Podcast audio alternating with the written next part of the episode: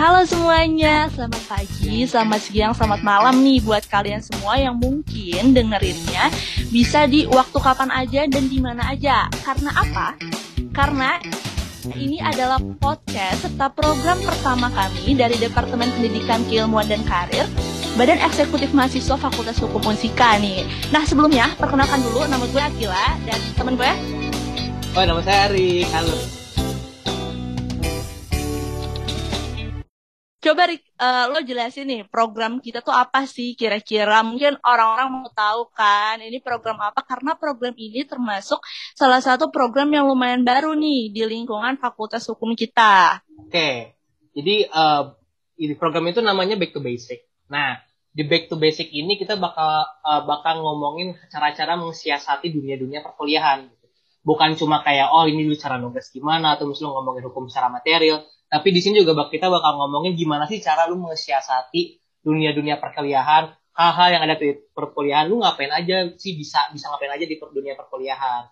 Jadi bukan cuma tok ngomongin hukum, kita juga bakal ngundang pemateri-pemateri atau narasumber-narasumber yang dari anak Eva juga atau mungkin di luar Eva Unsika juga untuk ngomongin hal-hal berkaitan gitu. Nah, bener banget nih, karena nanti ke depannya kami tuh akan sering ngobrol sama uh, semua narasumber-narasumber yang pastinya keren banget. Obrolannya tuh juga terkait dengan bidang keilmuan, pendidikan, dan karir, ya kan? Contohnya nih, kayak narasumber yang satu ini nih, Rick. Coba kita panggilkan dulu kali nih narasumbernya. Panggilkan, orang udah ada di sini, gimana sih lu? Oh, udah, udah ada di sini ya. Oke, coba, coba, halo Kak. Halo Kak. Halo Kak Mitari. Uh, coba kak, perkenalkan diri dulu mungkin namanya, semester berapa, angkatan berapa. Karena nih kami cari bilang sendiri nih kemarin ke gue, kalau misalnya ternyata kami cari kurang. Dia keluar. Coba kak, perkenalkan diri dulu dari nama, semester, dan angkatan berapa. Oke, nama aku Mita Ridian Rahma. Sekarang di semester 8, angkatan 2017. Lagi panas-panasnya semesternya ya, Teh? Lagi, hmm. Ya, begitulah. Ya, begitulah, ya begitulah. Eh, gimana, gimana, Kil? nah, uh, kami cari ini angkatan 18, eh, angkatan berapa tadi? Sorry? 17. 17. Iya, angkatan 17 semester 8 kan Kak Tarik. Tarik lagi panas-panasnya, berarti lagi uh, sering magang nih. Kebetulan dari CV-nya kami Tarik sendiri, itu pengalaman magangnya udah banyak banget Rik dari tahun 2019 sampai tahun sekarang, sampai 2020 eh 2021 ini masih aktif magang nih. Gue bacain ya. Yang pertama itu ada internship student at kantor hukum Asep Agustina SHMH dan rekan. Terus yang kedua itu ada internship at PT Mitra Astra Konsultan. Dan yang terakhir nih yang bakal jadi topik menarik kita untuk sesi ini yaitu adalah internship at kantor staf Putri Aneta Komarudin, anggota DPR RI Komisi 11 fraksi Partai Golkar. Nah, mungkin lo bisa nih bacain achievementnya yang lain Oke, selain untuk masalah magang permagangan duniawi, nah kami tadi juga udah punya achievement di uh, di internal kampus sendiri yaitu yang pertama adalah top 24 finalist Quest Regional at National Constitutional Debate Mahkamah Konstitusi 2019. Benar Kak? Benar Teh? Benar, benar, benar. Benar. Uh, terus juga Student Ambassador Bali International Arbitration and Medit uh, Meditation Center uh, 2020 dan juga dapat scholarship grantee yaitu di, di Karawang Cerdas 2019 dan 2020 scholarship guarantee juga dari peningkatan prestasi akademik Kemenristek IP dari uh, 2000, 2018 betul teh? Ya. Okay. Betul. Begitu Kil. Sumpah prestasinya kayak keren-keren banget ya. Terus produktif banget kayaknya uh, perkuliahannya yeah. karena prestasinya banyak banget baik akademik maupun non akademik gitu loh. Nah, karena itulah sebenarnya tujuan kita ngundang Kak Mitari di sini nih. Nah, sebelum kita masuk ke sesi yang hangat-hangatnya tuh sesuai topik kita pada hari ini, mungkin kita bisa back to the past kali ya. Kayak kita bisa kembali ke masa lalu nih. Zaman zamannya kami tari mungkin masih anak-anak uh, semester awal atau semester pertengahan ya kan? Yang lagi uh, sering-seringnya ikut lomba atau organisasi dan lain sebagainya gitu loh. Nah kan dari sekian banyak prestasinya nih kak. Dilihat dari CV kami tari sendiri ini kayaknya kami tari itu peminatannya uh, di HTN gitu hukum tata negara yang sama-sama kita tahu Nah, uh, kami tari sendiri tadi yang kayak udah disebutin Ari juga pernah ikut debat konstitusi. Menurut kami tari nih, sebenarnya apa sih yang menarik dari bidang HTN tersebut? Karena mungkin banyak juga nih anak-anak FH yang bingung peminatannya mau ke HTN, pidana atau perdata karena masing-masing dari kita tuh belum tahu uh, apa-apa aja yang bakal dikerjain, prospek kerjanya apa dan lain sebagainya. Pengalaman uh, debat debat konstitusi itu kayak apa ya uh, mengupgrade kemampuan yang ada di diri kamu sendiri. Kalau misalnya kamu ikut ya gitu. Dan ketika ketika kita berbicara debat konstitusi itu juga akan ada sangkut pautnya sama hukum tata negara. Tentulah konstitusi dan hukum tata negara itu kan dua hal yang nggak bisa dipisahkan gitu. Nah uh, ketika kita berbicara tentang hukum tata negara uh, pasti kalian tau lah di Unsika gimana sih hukum tata negara. Peminatnya sedikit banget. Kalau aku boleh tahu nih Akila Akila semester berapa sekarang? Aku semester berapa ya kita empat, semester empat, ya berarti semester ya empat ya. Oh berarti Biasa. kalian belum belum milih konsentrasi ya? Belum. Belum kak. Soalnya kita ini kak kita uh, udah dua semester kan belajar sama angin. Jadinya iya. kayak kurang kurang ingat semester berapa. Belajarnya sama layar Iya benar. Tapi kalian masih beruntung lah sempat ngerasain ke kampus kan? Iya benar banget benar banget Kak. itu benar banget. Alhamdulillah. Itu benar banget sih. Oke. Okay. Uh, eh, di angkatan aku tuh yang ngambil HTN tuh ada lima orang. Wow. Aduh, lima, agak banyak ya. Enam, enam, sorry, sorry, enam orang. Enam. Enam wow. orang yang ngambil peminatan. Dari sekitar dua ratusan atau tiga hampir tiga ratus lah ya mahasiswa angkatan aku yang ngambil peminatan HTN itu cuma enam orang. Sepi ya? Aku nggak tahu kenapa, kenapa peminatan ini kurang diminati. Tapi menurutku uh, eh, HTN tuh sebenarnya ilmu yang asik banget buat kita pelajari. Kenapa? Karena uh, buat kalian nih, apalagi kalian kan uh, ada di organisasi kampus kan, yang pasti juga belajar tentang uh, apa ya namanya, hmm, organisasi kampus itu kan kayak pemerintahan versi di kampus ya nggak sih? Betul betul. Iya benar benar. Kan, nah uh, eh, HTM ini juga sebenarnya tuh nggak jauh-jauh dari situ gitu. Ketika kita berbicara tentang pemerintahan, kita juga berbicara tentang politik. Ya nggak sih? Meskipun di kampus tuh nggak ada politik. Nah, HTM ini tuh kerat apa ya? erat banget kaitannya sama politik. Jadi kalau misalnya kalian yang interest buat hal-hal yang berbau pemerintahan, terus hal-hal yang uh, apa ya namanya berkaitan dengan politik, terus eh, undang-undang, kalian harus banget nih HTN. Birokrasi, kepe, eh, birokrasi, kepegawaian, PNS, gitu kan, aparatur sipil negara, pemerintahan daerah. Nah, itu uh, masuk ke dalam ruang lingkup HTN.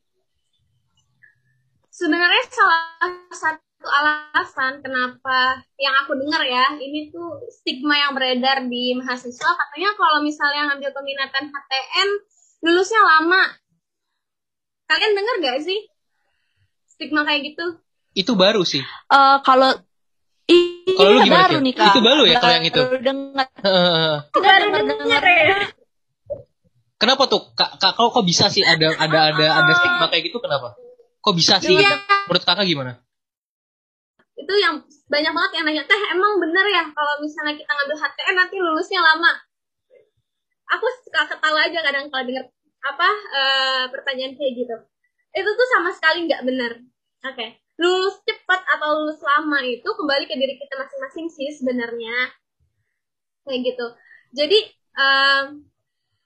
kadang yang ngambil hukum eh ngambil pidana perdata aja uh, ada yang lama gitu lulusnya. Jadi mau lulus lama atau cepat tuh semua tergantung diri kita, bukan tergantung peminatan yang kita ambil kayak gitu. HTM tuh seru banget buat dipelajarin. Apalagi asik banget sebenarnya buat dipelajarin karena ketika kita berbicara HTN atau ilmu hukum tata negara itu kan yang kita pelajarin itu kan kayak tentang undang-undang. Nah, patokan kita, patokan paling dasar kita itu ada di Undang-Undang Dasar. Undang-Undang Dasar itu merupakan kalau di, di Indonesia Undang-Undang Dasar itu kan merupakan sumber hukum yang di mana hukum yang ada di bawah itu nggak boleh bertentangan kan. Nah, kita tuh benar-benar mendalami itu gitu, sehingga orang-orang HTM tuh ketika bikin undang-undang tuh ya nggak asal buat aja, tapi kita benar-benar menerapkan nilai-nilai yang ada gitu, nilai-nilai yang ada dalam undang-undang tersebut berbicara tentang HTN sama anak-anak eh, mahasiswa-mahasiswa yang ada di bawah aku gitu. Mereka tuh kayak masih abu-abu sebenarnya HTN tuh gimana sih? Gitu kan.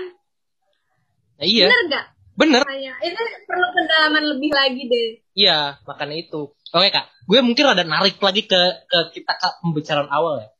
Ini mungkin iya. sebuah topik yang gue gua gua rada gali dari semester satu gue juga kan sendiri di SMA tuh aktif debat. Tapi debatnya bukan debat konstitusi debat bahasa Inggris. Nah jujur gue sangat-sangat kesusahan untuk mencari ini gue gimana ya untuk misalnya mau ngelakuin debat gitu. Kalau sendiri kak kemarin tuh pas lo mau masuk debat konstitusi itu cara cara kayak lo lo mendaftarkan diri lo untuk ikut debat konstitusi itu gimana sih? Jadi gini kalau debat konstitusi itu awalnya tuh uh, kita bikin karya tulis juga oh, gitu. iya, iya. Jadi iya. awalnya kita dapat mosi, kita kaji dan kita research mosi tersebut dari segi pro dan dari segi kontra. Kita cari data-data, kemudian kita tuangin tuh dalam karya tulis ilmiah. Nah, kalau misalnya aku nggak tahu ya, kalau nggak salah tuh uh, karya tulis ilmiah kita itu tuh di awal ya untuk masuk ke 24 besar regional tuh uh, karya tulis kita itu di masuk tuh 60% nilai penilaiannya tuh 60%. Jadi kalau misalnya mau masuk ke regional tuh yang dimatengin tuh selain di uh, kemampuan kita debatnya sendiri gitu. kan present gitu kan nah, debatnya sendiri kita harus kuat di karya tulis ilmiahnya gitu.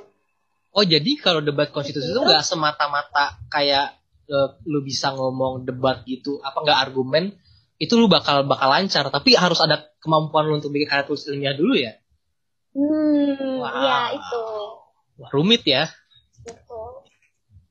Nggak juga sih. Nggak juga sih uh beda beda. Lumayan beda. lah. Lumayan. Lumayan lah.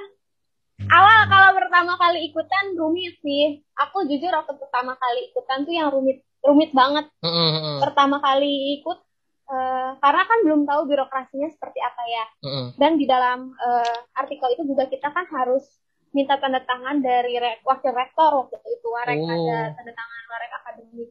Nah udah gitu kayak ya iya bolak balik ke rektor hati ya, you know lah unsika kayak gimana. Biasalah. gitu lah. Berarti, tahu kak, kayak kakak tahu segini lebih ke basic lagi kali ya? Karena ini back to basic ya. bercanda. Nah, balik ke basic lagi. Kakak tuh gimana sih? Kok bisa ketemu? Oh ini ada loh lomba debat konstitusi gitu. Itu kakak gimana caranya? Kayak tahu cara infonya harus daftar ke mana nya itu tuh dari mana sih? Di di di Eva sendiri gitu. Uh, waktu itu tuh pertama kali tahun pertama tuh dari uh, aku dulu mood court mm. uh, peradilan semu. Nah waktu itu tuh lagi libur ya kalau nggak salah. Apalagi akhir awal semester apa akhir semester gitu. Jadi waktu itu Pak Imam Pak Imam Pak Imam Budi Santoso Pak IBS iya iya iya. Ya itu tuh kayak uh, ngarahin untuk ikut lomba debat ini nih. Karena ada pelatihnya ada yang oh. melatih gitu kan. Tapi udah tuh diomongin gitu doang lama nggak ada kabar. Tiba-tiba hamin tiga deadline. Hamin tiga deadline dipanggil lagi kita belum siap apa-apa gitu oh. kan. Tim ini belum nyiapin apa-apa. Karya tulis ilmiah belum siap video debat hmm. belum siap surat menyurat juga belum siap. Sedangkan upload tuh udah hamil tiga lagi upload berkas dan upload video tuh udah ah menghitung jam lah istilahnya gitu. Terus tiba-tiba kita dipanggil dan dipanggil di, di Hamil tiga tuh bukan di pagi siang sore tapi malam. Aduh terus udah gitu uh, awal awal pertama kali ikut tuh kayak kepaksa sih sebenarnya. Paksa karena ya. di awal tuh udah iya mau. Karena awalnya tuh bilangnya mau dilatih kan. Mau Iya, ada yang heeh. melatih kan. Heeh. Eh, gitu kan. Atau Karena nggak ada yang latih juga gitu kan. Tiga, Tiga hari juga gitu kan. habis tiga. Iya habis tiga dipanggil. Terus udah gitu aduh ini ya udahlah udah terlanjur kita udah terlanjur iyain kan. Ya udahlah jalanin aja udah ikut aja ikut. Akhirnya semalaman tuh begadang Dari benar-benar gak tidur itu tuh malam itu tuh nggak tidur sama sekali. Dari dari jam 8 dari jam 8 eh, terus kita nyusun karya tulisannya. Terus besok harinya lanjut tag video. Lanjut tag video tuh dari jam eh, oh enggak. Jadi pa- pagi harinya kita minta tanda tangan tanda tangan dulu tuh. Yang tes pagi paginya. Terus siangnya agak jam 11-an kita tag video. Abis tag video, tag video tuh berkali-kali sampai jam 10 malam di FH. Itu tuh sampai diusir-usir gitu lah sama ya kal- kalian yang mengerti lah pernah merasakan kan kalau malam-malam di FH belum selesai kegiatan diusir Biasalah. kayak gimana? Iya pernah. Biasa Takut lah. ini. Ini takut Ya, gitu lah. takut kegelapan juga mungkin. Karena kan Eva lumayan gelap tuh kalau malam kan. Takut Ya, kegelapan ya. kurang penerangan ya. Mm-mm, ntar ada yang kesurupan kan bahaya. Aduh, jangan sampai. Ini kenapa jadi ngomong kesurupan sih? Balik, balik, balik, balik. Ya, terus eh, habis itu tag video sampai jam 10 malam. Tag video sampai jam 10 malam. Selesai, besok paginya masih sibuk buat upload-upload berkas gitu. Jadi benar-benar tiga hari itu tuh dikejar, dikebut semua gitu. Itu tahun pertama tahun apa kali pertama aku ikut lomba debat konstitusi. Wow. Oke, tahun kedua, tahun tahun kedua aku ikut tuh eh ada yang latih, ada Pak Iskandar. Oke. Nah, beliau tuh ngelatih kita, itu tuh emang persiapannya tuh kayak Lebih kalau ini matang lah ya. jauh lebih matang kayak Hmm. beberapa bulan sebelumnya. mm, sekitar enam bulan sebelumnya tuh kita udah persiapan buat lomba ini, gitu. Dan alhamdulillah di kesempatan yang kedua ini lolos ke regional. Gitu Wih, deh. Terus ya. Eh, sebenarnya menurut aku juga untuk tahu info-info lomba kalau misalnya di FH sendiri FH tempat kita belajar ini gitu itu kita harus ca- mandiri sih sebenarnya. Kayak aku ikut lomba esai aku ikut lomba karya tulis ilmiah.